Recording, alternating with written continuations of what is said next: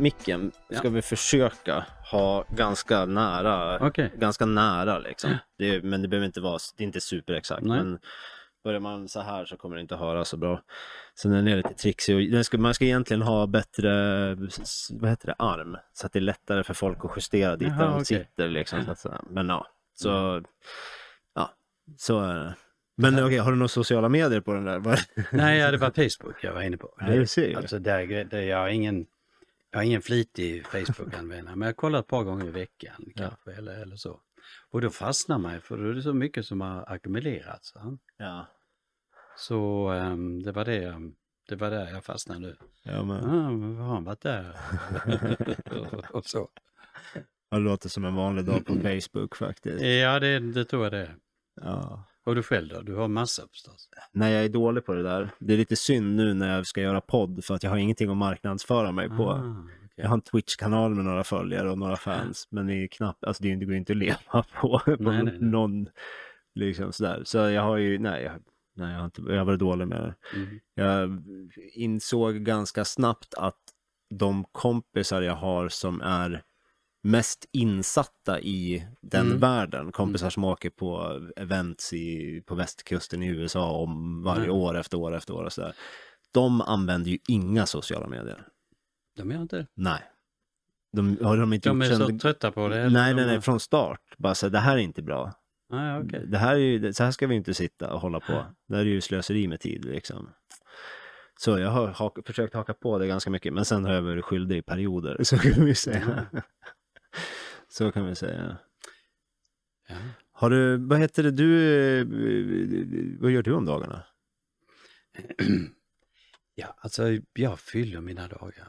Fyller mina Hur dagar. märkligt det än låter. Ja. Sover rätt så länge. Är det så? Ja. Eh, Det kan, Det kan man göra som bekänna. emeritus. Ja. Jo, men det måste man. Och sen, sen läser jag lite, skriver en del. ja. Ehm, eh, och går ut med hunden. Det tar ju sin lilla tid. Ja. Eh, åtminstone en, en halvtimme tre gånger om dagen. Då, då har en del av dagen gått åt. Jag lagar mat, jag städar och... Du ja. lagar bra mat också. Ja, ja, god mat. Ja. det är klart. Mm-mm. Okej. Mm. Hur många böcker har du skrivit i ditt liv? Eller hur många publikationer? Eller vad är det man... Ja, alltså Räknar man man räknar lite olika. Inom humaniora så, så är det ju publikationer i hög grad som Ja. har varit gällande i alla fall fram till nu. Och, ehm, eller böcker menar jag. Ja. Eh, och ehm, nu svänger det mer och mer över mot publikationer istället. Okej. Eh, men ehm, ja, jag, det beror på lite hur man räknar. Eh, jag skrev en bok om Aniara. Känner du till Aniara?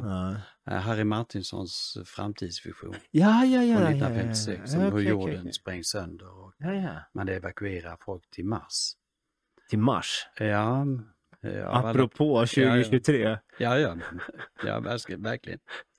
Ehm, och Aniara har ju aldrig mist sin aktualitet. Ja. Ja. Det har ständigt kommit tillbaks. Inte minst med det här med atomvapenhotet, ehm, miljöförstöring. Nu när, ehm, Vad sa du att den var från 63? nej 56. 56. Ja, dåligt Eh, siffror. och, ehm, och en del av det skrevs redan 50, 53 Jaha, faktiskt. Men i, varje- i varje fall så det var min, min doktorsavhandling och eh, sen har jag skrivit en bok om Ingmar Leckius, svensk diktare, eh, som hela tiden har rört sig i, avst- ja, i fältet mellan dikt och bild. Mm. Ehm, inte, inte i den meningen att han har målat eller så? Ja, ja. utan att han har intresserat sig för, för bildkonsten som sådan. Och skrivit dikter om bildkonst eller bildkonstnärer. Okej. Så, ja. ehm, och sen har han skrivit en massa annat också. Lite kulturmeta på något sätt. Ja, lite grann kan man, kan man säga. Ja. Eh, och sen har jag skrivit en bok om Carl Michael Bellman. Han, det uppstod ju på 1800-talet. Eller om jag ska ta det från början så var han ju verksam mellan 1740 när han föddes och 1795 när han gick ur tiden. Ja. Eh, sin, kan man säga, mest intensiva skaparperiod, han hade kanske i början på 1770-talet och han skrev många av Fredmans epistlar och Fredmans sånger. Men han höll naturligtvis på hela livet med detta, men Ja. eh, då liksom var flödet kolossalt starkt. Men det är inte det jag skriver om, för det är så många andra som skrivit om Carl Michael Bellman. Utan jag skriver om den kult som uppstod kring honom på 1800-talet. Framförallt i manligt sällskapsliv. Eh, du vet Bellman, det handlar ju mycket om, eh, om sex och fylla för att uttrycka det eh, mycket rakt på.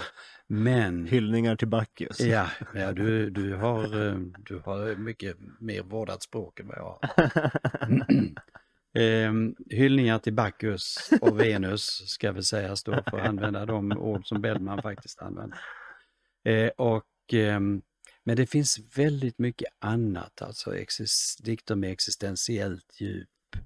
Ehm, där han liksom svänger från ehm, detta med att, att beskriva ruset och kärleken till att eh, istället belysa döden i en slags blixtbelysning. Mm. Eh, och sen eh, finns det mycket av naturskildring hos Bellman som är oerhört vacker. Så finns ju hela det mytologiska. Eh, du vet inte bara Bellman, eller inte bara Bacchus och Venus Nej, utan alla andra, de, alla andra mytologiska figurer som, som figurerar hos honom. Ja. Och som är, är naturligtvis är mycket mer aktuellt stoff på 1700-talet än vad det är idag. Det var deras superhjältar. Ja, det kan man, så kan man kanske säga. Du vet, eh, så, så, när han dog så dog han ju en fattig mans död. Ehm, han begravdes i Klara kyrka. Ehm, och sedan var han bortglömd under kanske ett par decennier. Mhm. Tills man började se hans ehm, eh, storhet på nytt så att säga. Hade tiderna, tiderna förändrats rätt mycket då på de åren? Ja, det kanske de hade gjort. Sverige hade ju gått igenom en politiskt väldigt olycklig tid eller, som berört många eh, människor på, på många olika sätt. Men i, i den stora politiska skedet så hade mycket hänt när vi förlorade Finland och sådär. Mm. Ehm, Men det kanske inte var så betydelsefullt mer än att det förflyttade fokus ifrån eh, diktningen. Men med de unga romantikerna, alltså Atterbom och eh, andra, så upptäcker man Bellman i ett, och ser honom på ett nytt sätt.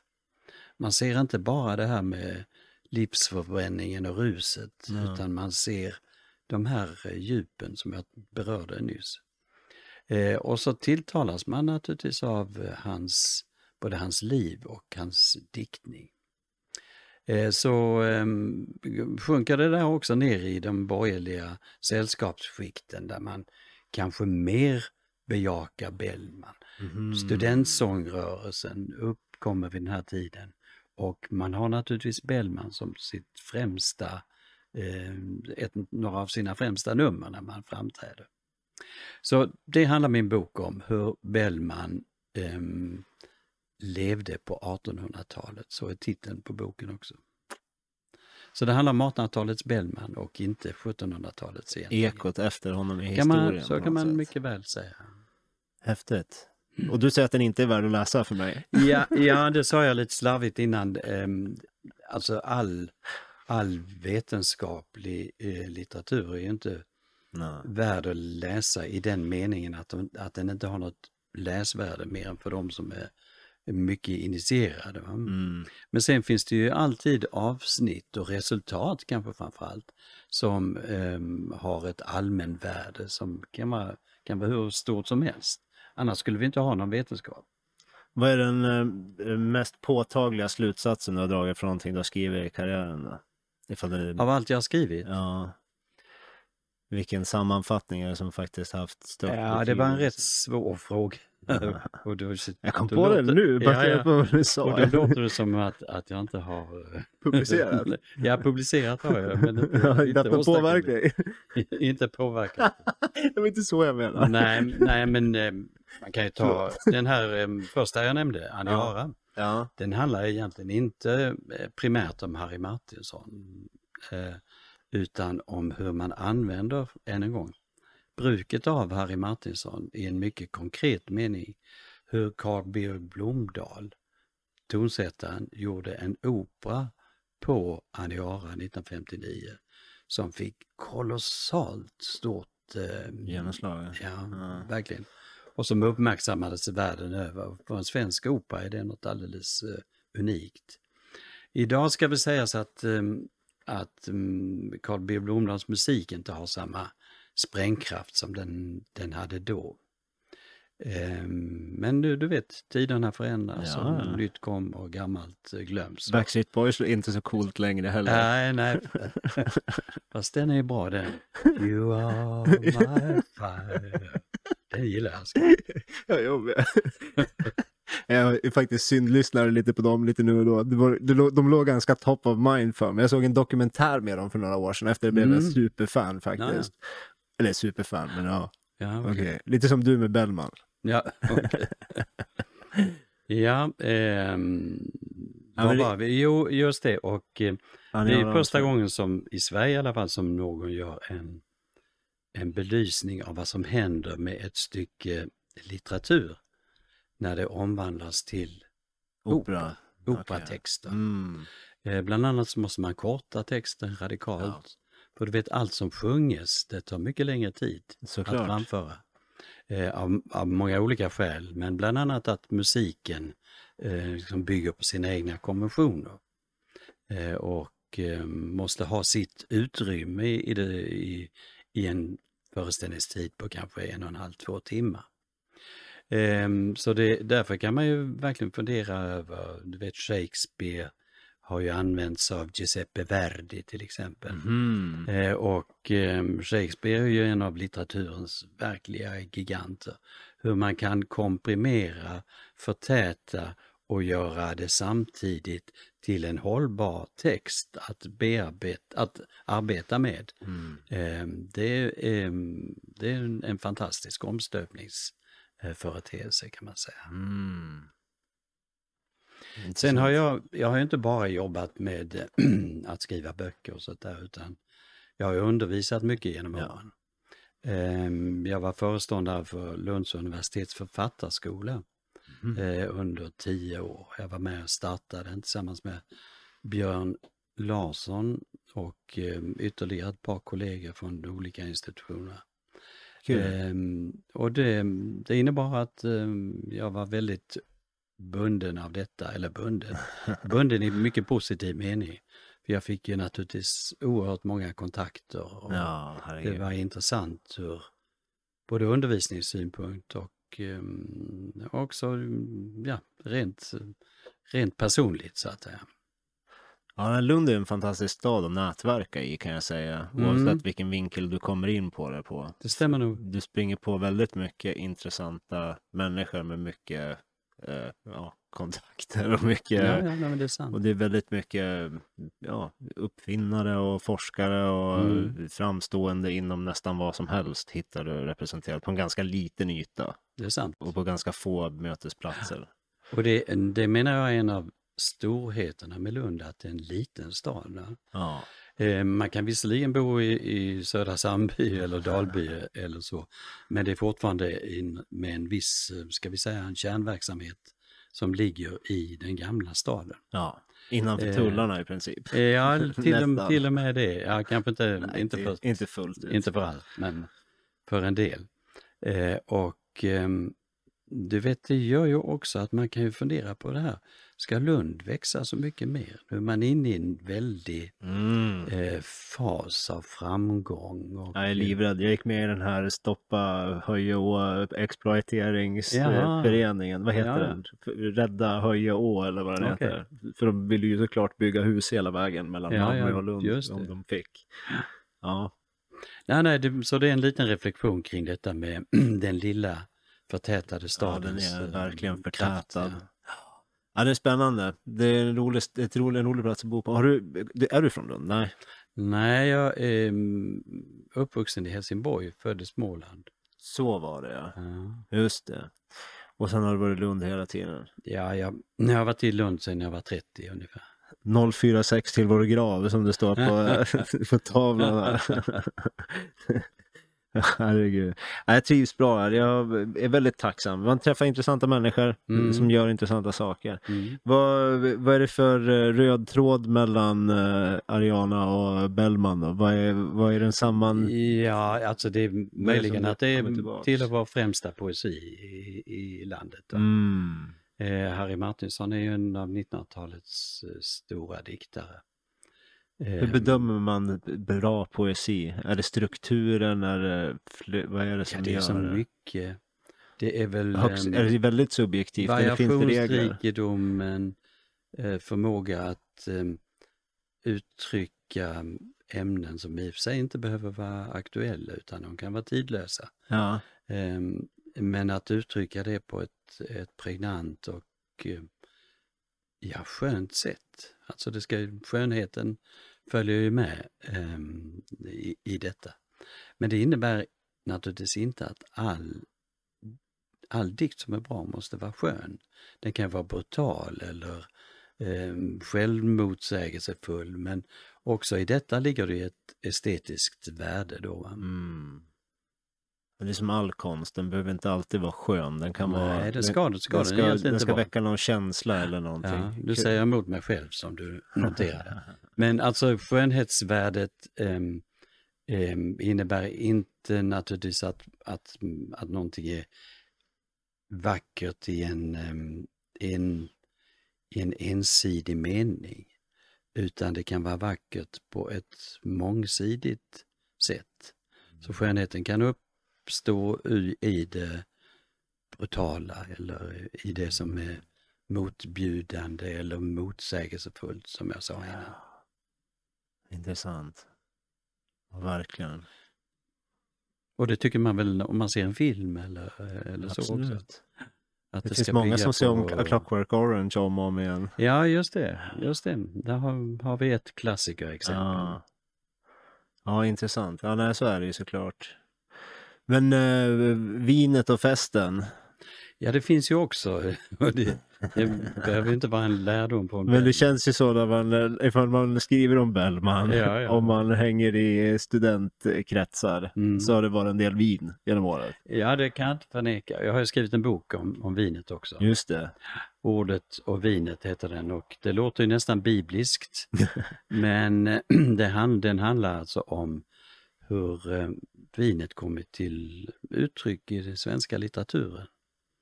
Från medeltiden, från den heliga Birgitta fram till ja, en bit in på 1900-talet.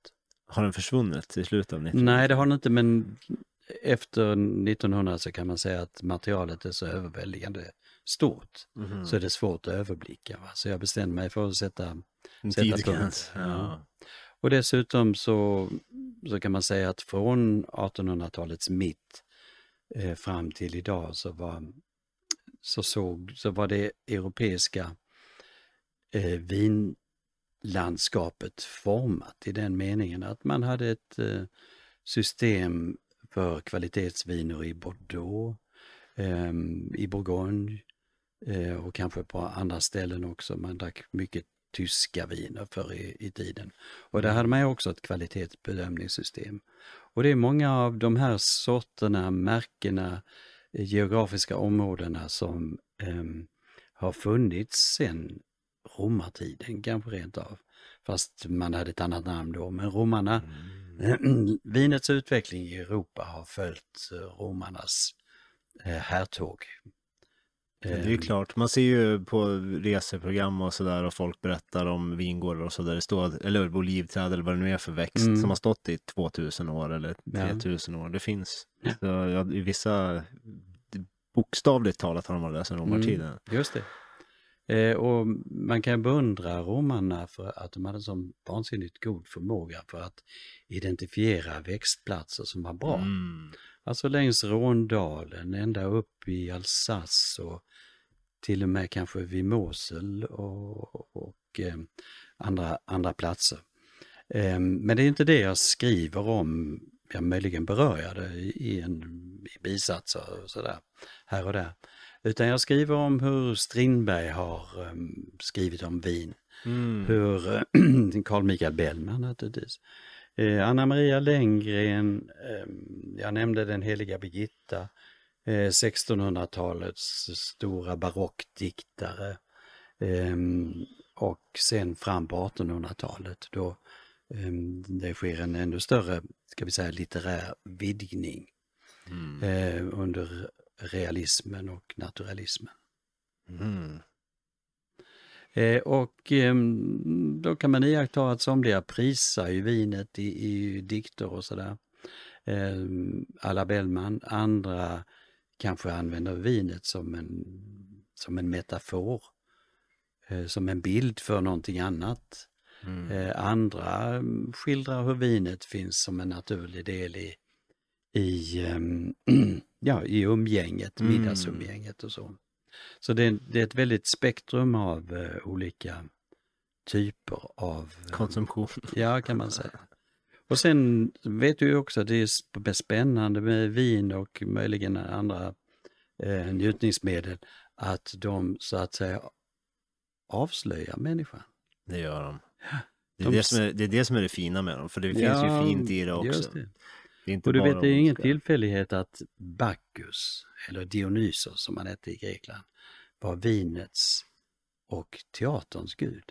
Just det, teatern på samma också. gång som eh, man kunde gå utoms, utanför sig själv genom att ikläda sig en roll och spela en person som man inte alls var, så kunde man gå utanför sig själv genom att konsumera vin och så att säga blottställa den, det jag som finns eh, på annat håll i, i ens kropp eller ens medvetande eller hur man nu ska uttrycka det. Just det, vad heter det? Elysiska myterna, hur heter den? Det känner inte, Elyseiska menar jag. Elyseiska, så kanske det. Elyseiska myterna. Men det, det känner jag inte till så där omedelbart. Aha, okej, ja, det var någon, eh, det, det, har skri- det har öppnat ett nytt forskningsfält på, kan det vara Harvard? Eller någon, någon Ja. stor universitet i USA efter en bok skriven av en advokat om vin i Grekland för flera tusen år sedan. Att Mm. det troligtvis var eh, någon form utav, vad, kan, vad heter de här svamparna som växer på vete? Mjöldryga. Så ja, någon Mm. form av mjöldryga som var blandat så att man hade liksom trippar på det här vinet och att det Jaha. fanns någon så här vinkult då, som skulle ha levt kvar i historien under romarna och Mm. sådär och att just den, den platsen där man hade eh, mest koppling till det här i Grekland, den platsen krossades under romarna men sen byggdes upp igen och fortsatte ha samma typ av Mhm. vad de nu hade för någonting. Och vad vet jag, men eh, de har i varje fall öppnat ett nytt forskningsfält på något så här riktigt universitet tack vare den här. Så det, får verkar finnas googla lite. när jag kommer hem. Ja, jag kommer, inte, jag kommer inte ihåg. The Immortality Key tror jag boken heter på engelska. Mhm. Odödlighetsnyckeln. Sitter och väntar på den. Men ja, det ska bli intressant att läsa. Den uh, där kameran håller på att falla. Vi börjar ju ganska från noll här. Det är Ja, ja. rivningskontrakt på bygget. Det är, Ja, liksom, okej. eh, det är en, eh, ja. det, är en spe, det är ett speciellt kontor, så kan vi säga. Det, så kan man uttrycka det. Så kan man uttrycka Men det är, ja, det är billigt. Det är, det är vad det är. Lyckebacken ska väl också bli, apropå att Lund ska byggas om, det ska väl bli bostäder här. Ska de, jag tror det, ifall de får bestämma. Ja, ja, och det är därför man har en tågstation här intill. Ja. Men det är ju super, så länge det fortsätter vara så här så är det ju super för mig att få hit folk som gäster på olika saker. Både podd och jobb och Mm. allt möjligt. Mm. Så. Ja, vi sitter rätt bra, även ifall det inte är så centralt kanske. Nej, men det är väl, det är väl helt i sin ordning. Det tycker jag. Det tycker jag. Mm. Jaha, okej, vad- vart var vi någonstans? Vi pratade om vin. Vi pratade om vin Mm, och Grekland och senare, fast mer 1700-1800-tal. Vad- Vilken tidsperiod har du skrivit mest om då, tror du? Vilken eh, Jag, historisk tror, era? jag tror att 1800-talet upp- upptar störst plats. 1800-talet. Hur ser Sverige ut 1800-tal? då? Ja, det är ju prä, det är präglat, det är, om man tänker sig de som har en hygglig levnadsstandard, det är ju, det är ju en försvinnande liten procent eh, vid den här tiden. Det är, det är borgarklassen och det är eh, adeln naturligtvis, de besuttna i samhället. Så de som skildrar eh, vinvanorna, eh, det är ju författare som vill beskriva detta av en eller annan anledning. Mm. Och det kan ju vara för um, att man vill så att säga ja, kasta nytt ljus över um, klassamhället. Eh, eller av, av andra skäl. Em, nu tappar jag tråden tillfälligt. men- 1800-talets Sverige. Ja, just det. De skriver vin i olika hänseenden där. Mm. Men hur ser, sta- hur, ser, hur ut- ser det ut i städerna? Vad har vi på oss? Ja, du vet städerna är ju få och de är många och små. Många och Så små. kan man uttrycka det. Och eh, Stockholm är ju en liten huvudstad, kanske 100 000 invånare. Jaha. Ehm, på Bellmans tid var det 50 000 så Alltså när min farfar var liten i Stockholm och han Ja. beskriver Birkastan så Mm. låter ju inte det som Birkastan som vi åker till Nej, nu nej, kan nej, vi säga. nej, det kan man, så kan man väl uttrycka. Och det är på tidigt 1900-tal, eller ja, inte Jo, så- men vad vad jag skulle komma till det är att det, det är rätt så få i samhället som har möjlighet att dricka vin eller Ja. kvalitetsvin. Eh, Brännvinet var billigare än, än vinet, vilket vi inte riktigt föreställer oss idag. När vi har haft en alkoholpolitik som ställt alkoholhalten i relation till eh, priset. Och, men så var det inte då, utan det var ju det att det var inhemskt tillverkat brännvinet Mm. och det var importerat med dyra kostnader förbundna med det från utlandet. Just det. Så det, det är naturligtvis faktorer som är, som är avgörande men ehm, det är inte, det är kanske inte primärt det jag är ute efter utan det är att se hur olika författare ehm, ja, använder sig av vinet som ehm, motiv eller vad det nu är. Ja. Och än en gång, det är ju eh, som vi var inne på nyss, eh, det dionysiska, det är ju då en avslöjande faktor för eh, vad människor tänker innerst inne eh, etc. Mm. Ja, jag tror det finns jag tror det finns mycket sanning i rusmedel på något sätt. Mm.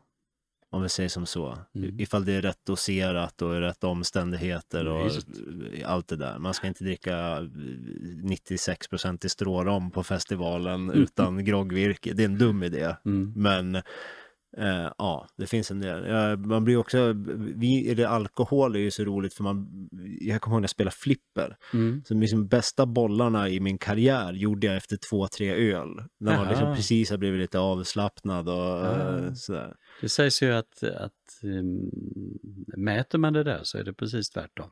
Ja, absolut. Men ifall man tar för mycket och går över en gräns, då, Ja. då har du de sämsta bollarna istället. Ja, ja. Men Och så du- upplevelsen för din del var Ja. maximal så att säga. Ja, Ja, och det är ju en väsentlig faktor också att eh, det är hämningsdämpande. mhm. Eh, och det är därför det är en sån omtyckt eh, drog.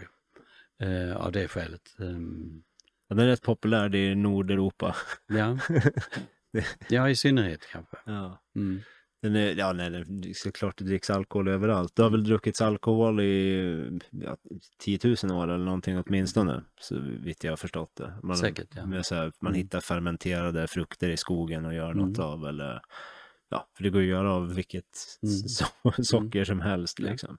Men jag har också läst att eh, koncentrationen av alkohol, som du var inne på med priset där och brännvinet, att innan liksom 1500-tal så har vi inte ingenjörskonst nog att bygga instrumenten för att destillera och ha höga tryck och höga temperaturer på Mm. samma sätt. I varje fall inte allmänt liksom sådär till alla. Så innan liksom 1500-talet så är det mycket lägre snitt alkohol så att säga. Och det har gått Ja. upp över tid också med nya gäster och sådär för öl stämmer, och nya stämmer. druvor som Mm. tål mer och behåller Mm. mer socker och ja. Så att när man läser om att så här, ja men på 1600-talet när de var ute och marscherade så fick de en massa öl och gav Mm. till barnen. Men det kanske var 2-procentigt eller Ja. 1,5 procent eller Mm. någonting. Det är rätt intressant. Ja, nej, det, det måste ju ha druckits mycket på 1800-talet. Ja, det, det, har jag alltid, det har ju alltid druckits mycket. Ja. Och det är därför vi fick en nykterhetsrörelse. Och eh, säkerligen bidrog det också till att vi fick en frikyrkorörelse för en, alla de här em, em, eh, samfunden, de hade ju den funktionen att det skärpte till folk. Mm. De kunde gå till jobbet istället för att ligga bak rusiga och på söndagen så ägnar man sig inte åt att dricka brännvin utan då gick man i kyrkan man istället, kyrkan, eh, eller ja. i frikyrkan. Engagera sig på olika sätt. Eh, arbetarrörelsen förmodligen samma sak. Alltså den svenske eh, ordentliga arbetaren, det var ju ett ideal Mm. eh, i Sverige. Jag ska berätta om eh, min senaste bok och där är vi eh, inte mindre än fyra personer som har varit med och gjort den. Och det är en, en, Tegelsten. ja, det är en rejäl pjäs som handlar om en 1700-talsresenär som heter Jakob Jonas Björnstål.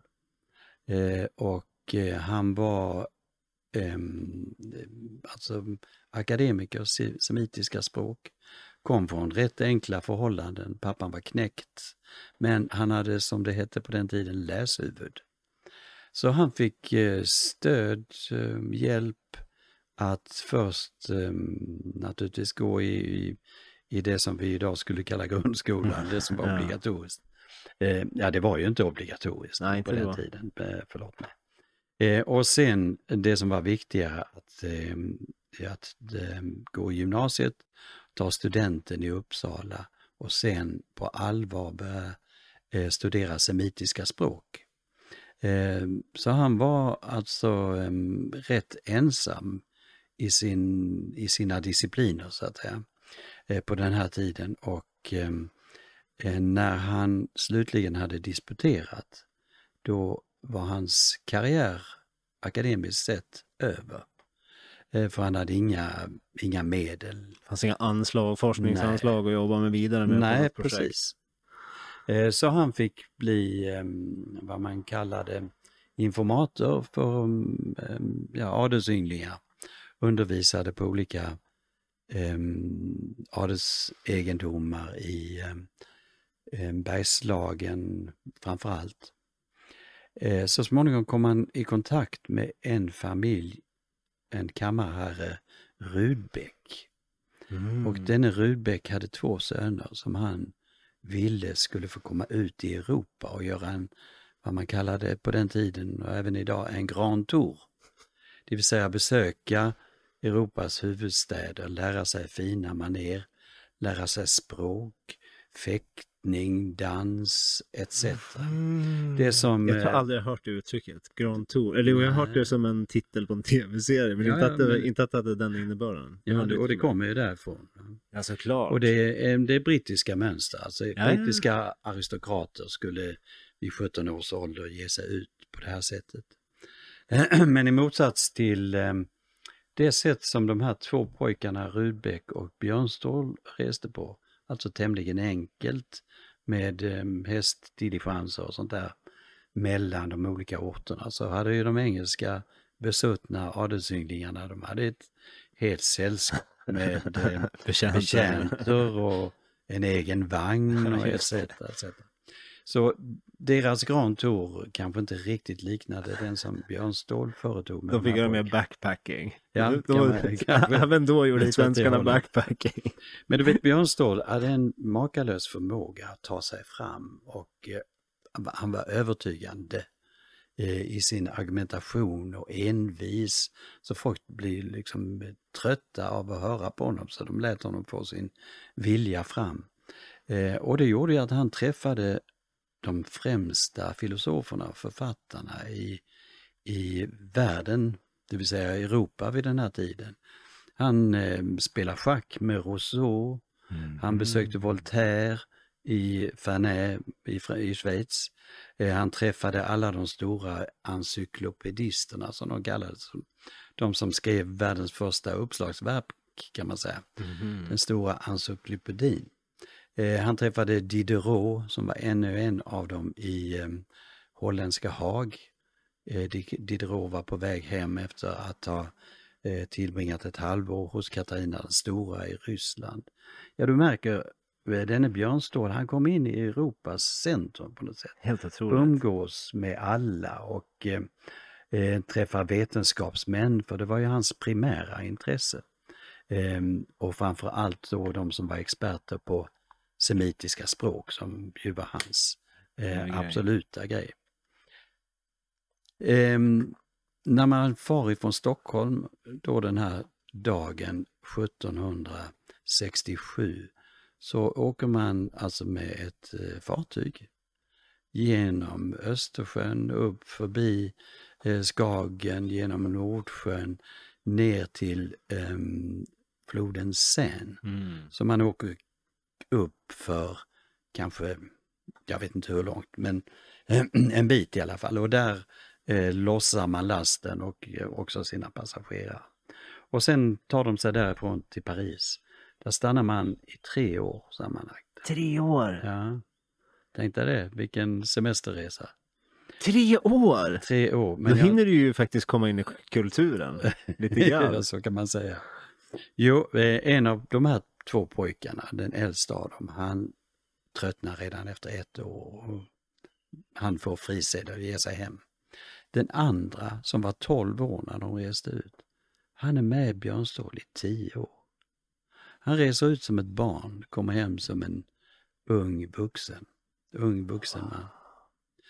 Och du vet, eh, han är med och får träffa alla de här storheterna. Han, han hakar ju på eh, vid sidan av sina lektioner i franska eller vad det nu var han månde. Eh, och de ser alltså Frankrike, Italien, de kommer till Neapel och Rom. I Rom träffar de Sergel och Sergel gör eh, Björnståls porträtt, eh, tecknar det och gör så småningom en medaljong av Björnstål i gips. Mm. Eh, och eh, så fortsätter det på det här sättet. I tio år. Eh, ja, och det är hela tiden alltså Björnståls eh, intressen som styr. Man kommer till England så småningom, eh, Oxford, där eh, de fantastiska bibliotek som finns där blir liksom magneten för eh, den svenske eh, forskaren. och så småningom så skiljs man åt i Gravesend i England. De åker med varsitt fartyg. Den ene till Göteborg för att fortsätta hem till sin familj. Den andra till Konstantinopel. Bara den långa sjöresan kan ju vara värd att eh, fundera över. Konstantinopel stannar han två och ett halvt år. Eh, och det är ju för att studera de språk som han är intresserad av. Han lär sig turkiska. Han till och med klär sig som en turk, i alla fall under en viss period, för att liksom smälta in och inte väcka uppmärksamhet eller få stryk eller vad det nu kan vara som vilka skäl det kunde finnas.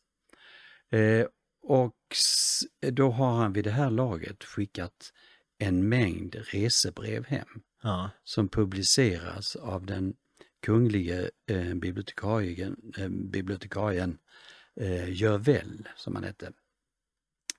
Och eh, de här breven de blev så uppmärksammade med tiden så eh, Björnstål utlovas ett kungligt stipendium för att kunna fortsätta resan till de bibliska länderna, det vill säga Mellanöstern.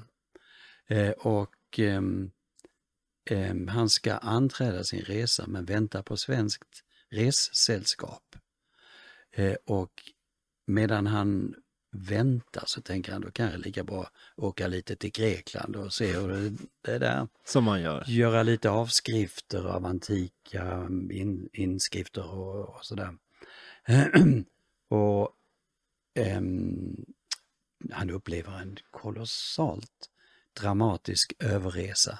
Man kan inte tänka sig riktigt att ehm, i de farvattnen som han befinner sig i, alltså från Konstantinopel till Grekland, att det kan vara några grymma vinterstormar med nerisat däck och omöjligheter på, Ah. av alla klimatiska former.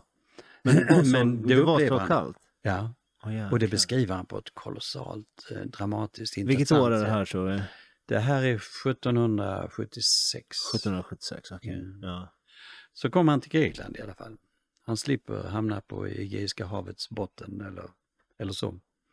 Eh, och eh, där reser han runt. Han kommer upp till något mycket unikt som du ska googla om du inte känner till det sedan tidigare. Det är några högt belägna eh, kloster. Om du tänker dig en bergstopp som ser ut som ett, ett finger ungefär. Ja. Högst uppe har munkarna byggt ett kloster. Det finns inga trappor upp eller någonting så man kan ju fråga sig hur de kom dit första gången.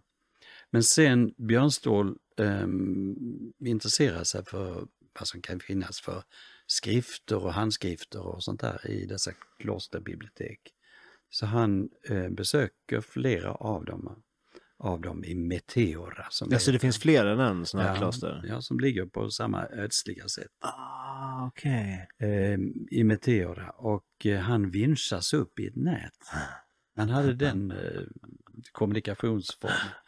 Eh, och man var tvungen att skydda sig för landet genomkorsades regelbundet av albanska rövarband, kanske på 500 personer som, som var mycket hänsynslösa i sin ja, framfart. Framför, wow. Det är inte så länge sedan, 1776 är inte så länge sedan. Nej, det kan, det, och det finns rövarband idag också. Ja, det gör det På absolut. nära håll till och med. Det gör det absolut.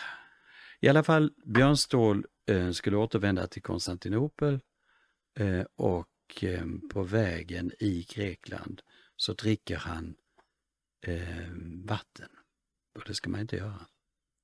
Han får det som på den tiden kallas för rödsot och eh, dör av detta. Så hans resa kommer aldrig att fullföljas. Men det, ska vi säga, reseminne som finns bevarat i form av hans brev eh, som publicerades och som ehm, eh, är utgivna i bokform också senare.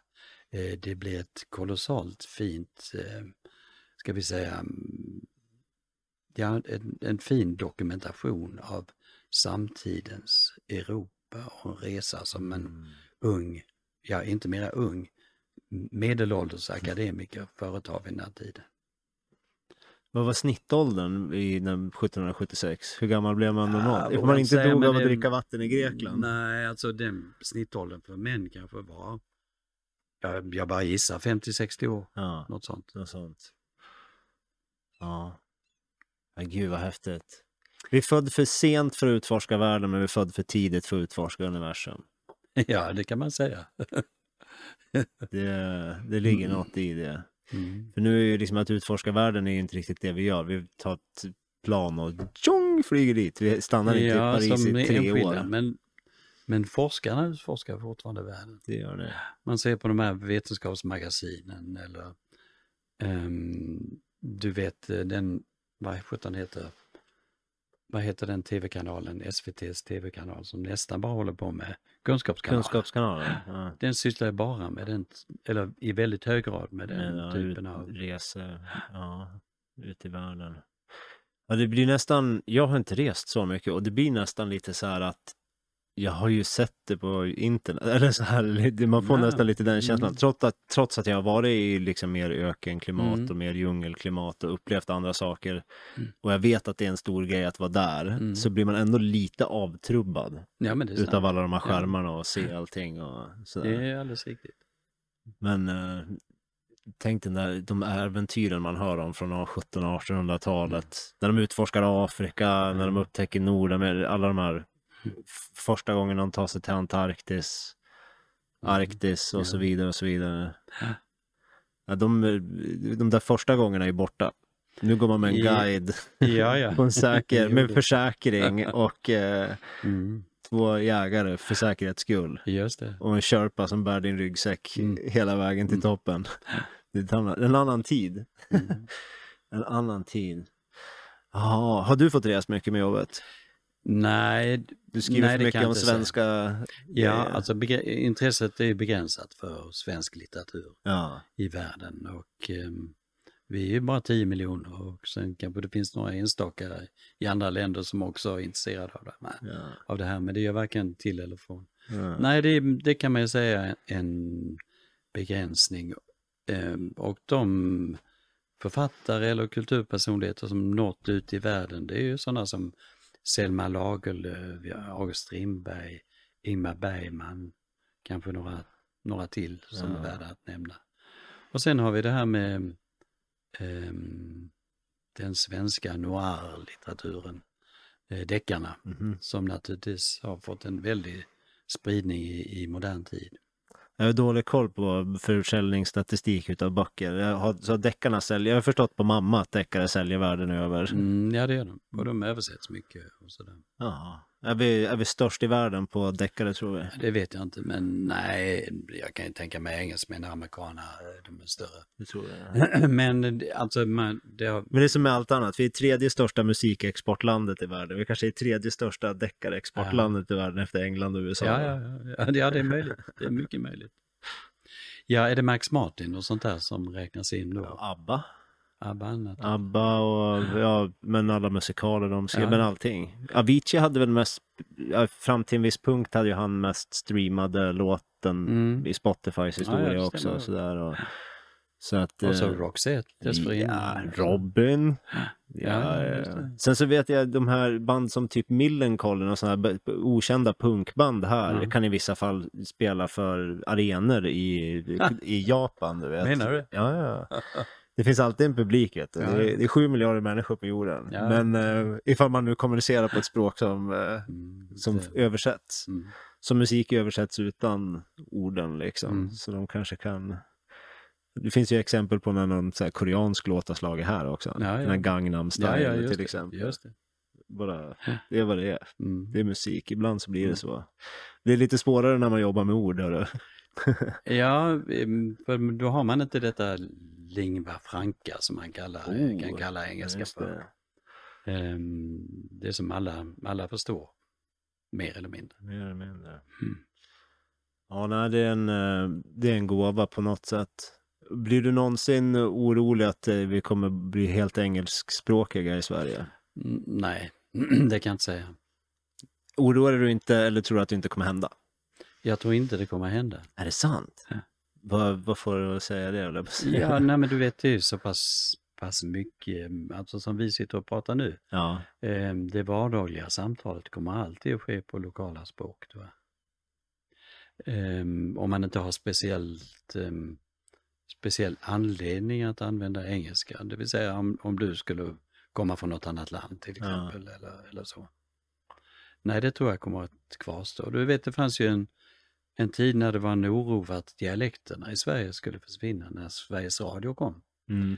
Ehm, Det har de inte, de har kanske förändrats men det hade de möjligen gjort i alla fall. Jag tycker ju att dialekterna, alltså där jag kommer ifrån så har, ser vi ju ett exempel på ett språk som håller på att dö ut. För Mm. jam, jamskan har ju mer än 25 000 egna ord eller vad det är. Ja, ja, eller 20, vad Vi har ju en republik Ja, men egen president, allting. Egen valuta, Ja, nationalsång, hela kittet vet du. Det är grejer. Mm, Nej men eh, jamskan håller ju på att försvinna. Det är ju inte så att jag lärde mig den. mm. Det var inte Men så att då är det den som talas i, ute i bygderna. ja just Ja. det, och i, kanske mm, isolerade, på isolerade ställen. Ja, och så har de ju olika uttal och en del olika ord beroende på om det är Mm. från västra eller sydöstra delen av Mm. Jämtland liksom. Såklart. Ja. Så Var är du uppvuxen då? I, ja, i Östersund, Ja. inne i stan. ja. I ett område som påminner rätt mycket om Klostergården i det, ja. utformning och materialval och Ja, årtionden det är byggt och sådär. Mm. Ehm, ja, men vi såg Ö- vi såg till Åreskutan. Vi hade balkong längst upp. Ja, ja, just det. Så vi, man såg. Åreskutan på, i solnedgången. Vet du. Ah, härligt. Jag saknar Östersund, eller Jämtland, apropå Ja. att saker som, att vackra saker, vackra Mm, saker. mm. Jämtland är väldigt vackert. Oh, det är fint. Det är väldigt Det är vackert. fint. Men eh, man saknar inte att det blåser för västan hela tiden. Och det kommer ner över det där berget som, Mm. som har alltid har isbitar Jaha, det blåser västan där hela Ja, tiden. det, det kommer från fjällen. Över gränsen Ah, från ja. Det är Gulfströmmen kommer in vet du. Ja. Så kyls den ner över bergen och trillar in som ett kallt täcke över Jämtland. Är det så? Ja, ja, ja. Det är hemskt. Ja, ja. Ehm, Du vet, det är många skåningar som klagar på västanvinden. Ja, ja. Ja. Ja, men ni, ni har inget, ni har inget kylaggregat innan, Nej. så ni ska bara vara tyst. Jag, det, det har jag tänkt på mycket när jag nere. Jag har märkt att så här, ifall det är någon som har flyttat till Skåne ifrån, säg Stockholm, Mm. då tycker de att vindarna här är så förjävliga i förhållande Mm. till Stockholm. Men jämtlänningarna, vi är liksom rörande Ja, överens ja, att så här, ni, ni, Oh, ni, ni, ni fattar inte vad ni snackar om. Södern här. Klagar ni på? vad håller ni på med? Så, ja. Andra saker som är bra, med, eller så här, med, som jag tänkt på kring att flytta. Jag gillar, apropå språk, Mm. jag gillar ordet rälig. Jaha, Och pulig gillar jag också. vad är pulig för? Det, det är kanske mer ungdomsslang, men det är när nå- eller ungdom, men folk i 30-årsåldern kanske säger det. Men de, eh, det, de menar att det är, mm, det är mumsigt, det, är- det är puligt, det är gott. Det, det här var nice liksom, det här var puligt. Mm. Men räligt gillar jag. Räligt. Ja, men, och du som språkforskare, har du någon gång funderat på varför ni lägger till en extra liksom, vokal och konsonant på saker här i Skåne? Ju Cykeln inte, och jag är ju inte nyckeln. s- språkforskare. Nej, okej, men du- är språk, mer, eh, mer, Mer språkforskare mer språkforskare än vad jag är. Ja, fast det vet jag inte. Nej, men det, det kan ju sådana dialektforskare alltid ge besked om. Åh, känner du någon sån? Ja, alltså den... För snacka efter. Eh, Så ska jag sno någon Ja, kille ja. som kan svara på det här åt mig. För det gör mig vansinnig, alltså Ja. skånskan gör mig vansinnig på det. Ja, men, jag kommer ju från, vi tar ju bort bokstäver. Mm. Vi säger att de där tjejerna är söt. Ja. Och ni säger nyckelen, cykelen, Ja. lägger till en hel, Mm. det känns jätteslöseri liksom. Vi Men pratar ju du vet, det är utan den rika, rika skånska myllan som har gett dem möjligheterna att slösa. Så- Så är det ju. Ni har haft det för bra här nere. Ja, det var det det för lätt att odla mat. det När jag kunde suttit ner och pratat med varandra så till en punkt att man måste förlänga det man säger till och med. Mm. Och i Jämtland så måste man ut och jaga nästa eh, päls för att Mm. betala för födan. det Ja, men det sånt. finns nog, eh, det finns nog eh, så att säga förklaringar till det. Eh, Även om de inte går att förklara just som vi gör nu. Nej. Nej, jag tror ingen tror att det här är en akademisk konversation. Jag, Mm. jag tror att de är fullt medvetna om att jag hoppar av gymnasiet det inte ligger så mycket sanning i Ja, någonting. ja, ja. Ja, herregud. Jaha, vad, vad, gör man, eh, vad gör man mer om dagarna när man är, är emeritus pensionerad? Eller är det en, Mm, är det ja. en överdrift av de unga som inte är det? Eller en förenk, förs, förskans Du vet, förenkling? Tiden, tiden går ju i alla fall. Mm. Eh, Det är ju så. Eh, Just för närvarande så har jag kanske inget eh, skrivprojekt som är sådär uttalat. Eller på gång. Skriver du varje dag ändå? Ja, det gör jag. Jag skriver ju andra saker, eh, så att säga. Ehm, ja, det, vi behöver inte gå in på, på det, men det är alltså mer triviala ting. Va? Ja. Ehm, Men du skriver varje dag? Ja, det får man nog säga. Jag reflekterar över att jag gör ju inte det. Jag skriver inte varje dag. Kanske e-post då, men det är ju liksom Mm. inte att skriva. Alltså, det, är Nej, det är inte att skriva på det sättet. och du skriver kanske som en modern person, alltså rätt kort och rätt eh, Ja. ehm, sms-aktigt. Makt. Fast jag, du skrev ju rätt långt här till mig. Ja, jag vet. Jag försöker. Var det, var det, för du tänkte, Jag försöker. eh, ja, vi ska, Det finns ju någonting i orden på något sätt. Ja, men det var, det var väldigt bra. Ehm, Ska jag bli kritiserad av en, för min språk... Nej, inte alls. Grammatik och nej, det, språkkunskap det var perfekt. av en, eh, någon som faktiskt kan. Nej, men du hade ju två eh, alternativ för att hitta hit. Eh, Just det. Nu valde jag inget av dem. du hittar på ett Eller jag eget. tog nog bilvägen egentligen. Ehm, för jag vek av där vid Lidl. Ja, Då ja. hade jag liksom sneddat genom stan och kommit ner genom Stadsparken. Och sen var det rätt lätt, rakt på. Att, Det är ganska rakt på. mm, Då kör du bättre än de flesta foodora buden i stan kan jag säga. De har, de har svårt att hitta hit. Ja, ja, de hamnar en kilometer in ditåt Ja, ja, för det där GPSen säger till. Även ifall vi skriver ut att det är på hörnet i höghuset och ja, sådär. ja. Nej.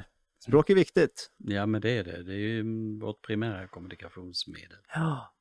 Och hur vi formulerar idéer till Mm. varandra. Mm. Och ja, det, det är väldigt viktigt.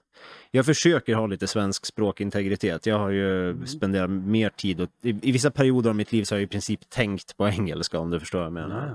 För att jag har pratat engelska hela, hela dagen och hela Mm. kvällen och hela m- bara suttit och pratat. Har du gjort det här i Sverige? Ja, i Ja. Lund. Jag, jag satt, under pandemin satt jag mycket och streamade datorspel Ja, ja. framför alldeles för liten publik för att det skulle vara någon logik i det. Men kul var det. Och då körde jag på engelska, jag pratade på engelska för jag har så Mm. mycket ja, internationella vänner via datorspel helt Ja. enkelt. Så tänkte det var logiskt. Och då faller man ju in i det till slut att man, ja man tänker ju på engelska liksom. Mm. Men trots det så försöker jag hålla mig till svenska så gott det går, även ifall Mm. ibland så dyker det upp ett engelskt ord först i huvudet, Ja, till och med på mig alltså. Men det är bra att kunna, att kunna bägge. Det är väldigt bra att kunna bägge. Mm. Och det kommer bli viktigare och viktigare tror jag Mm. också. Och då vet jag att vi, all, alla storföretag, de använder ju engelskan internt. Ja. Ehm, även om de sitter i, i Sverige och Ja. i rummen är till varandra eller så. Men Det finns väl många akademiska situationer där engelska Absolut. blir det Mm. man använder Absolut. också. Ja. Ja, det, är en, eh, det är en väldigt bra färdighet att snappa upp.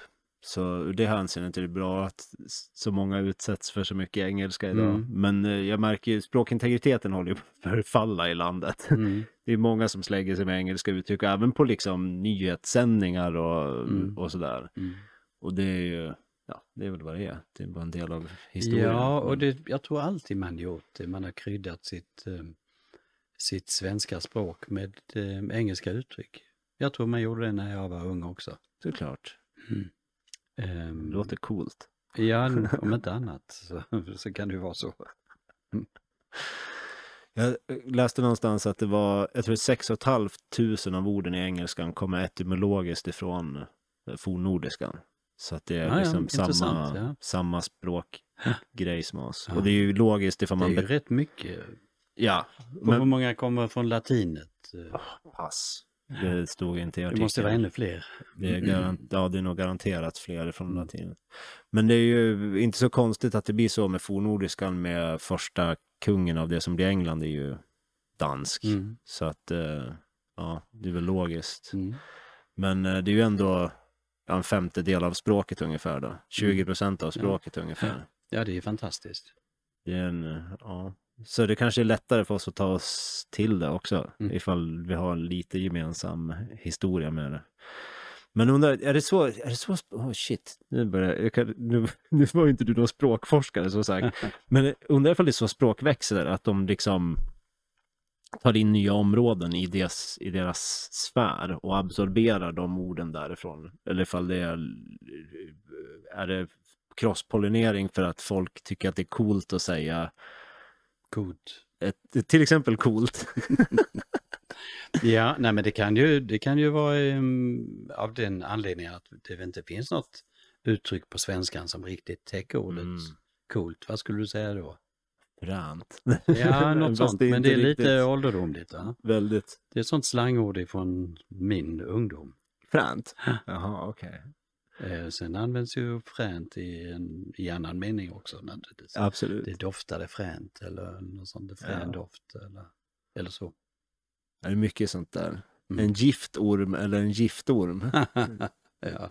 två, två olika innebörder. Du menar särskrivningsfenomenet är du inne på? Ja, och att det blir venomous snake och married Ja. snake i översättningen beroende på ifall du har särskrivningar eller inte i just Mm. det här fallet. Mm. ja, herregud. Ja, vart har vinet dykt upp annars i litteraturhistorien då?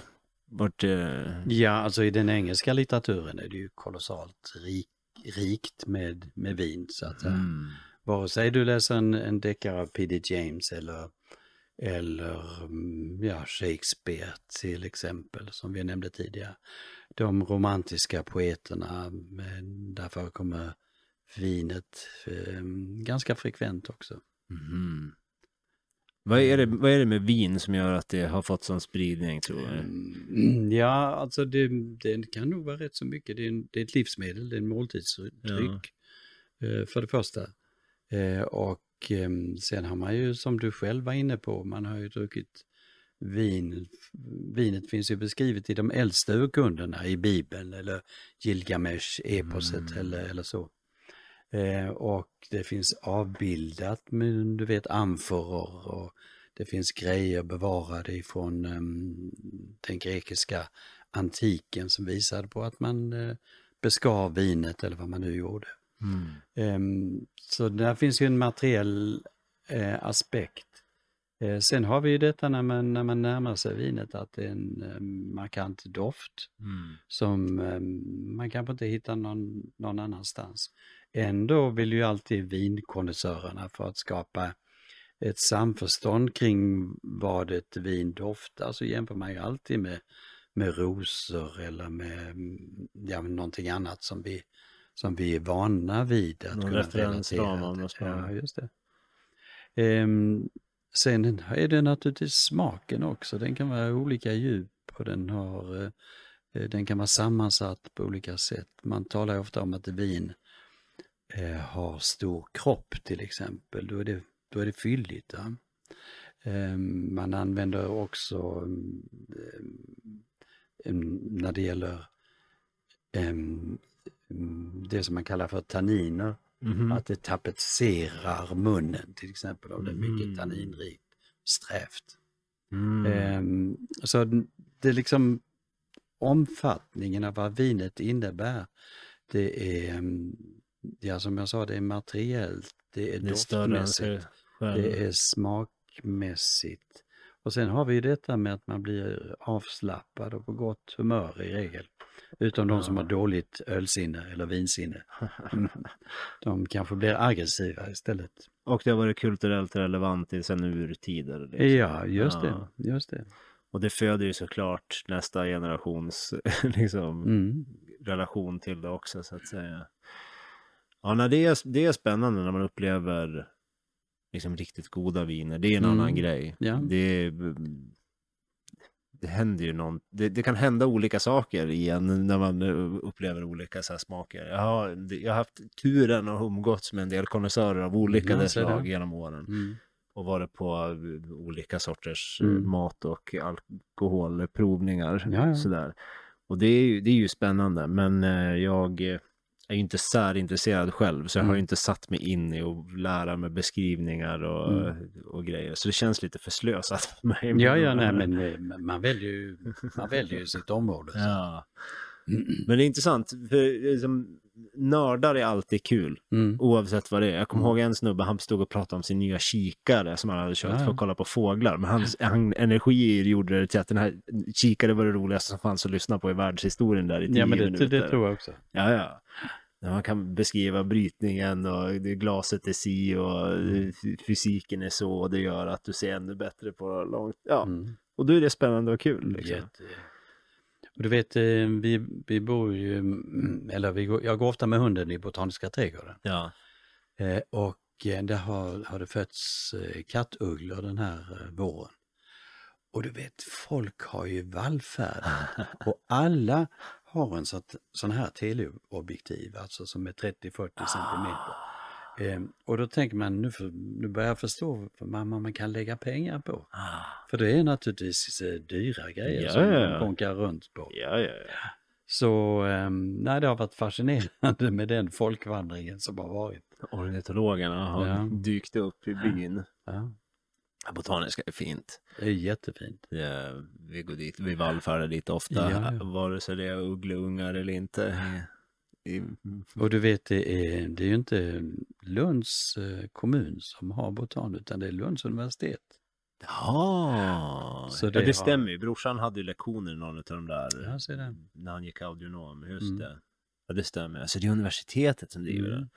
Aha, okej. Intressant.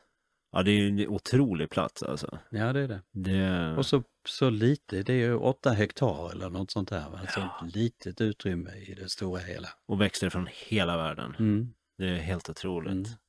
Och den har varit där länge också, sen, sen 1700-talet eller? Ja, alltså Botan låg i um, Lunda, Lundagård förr.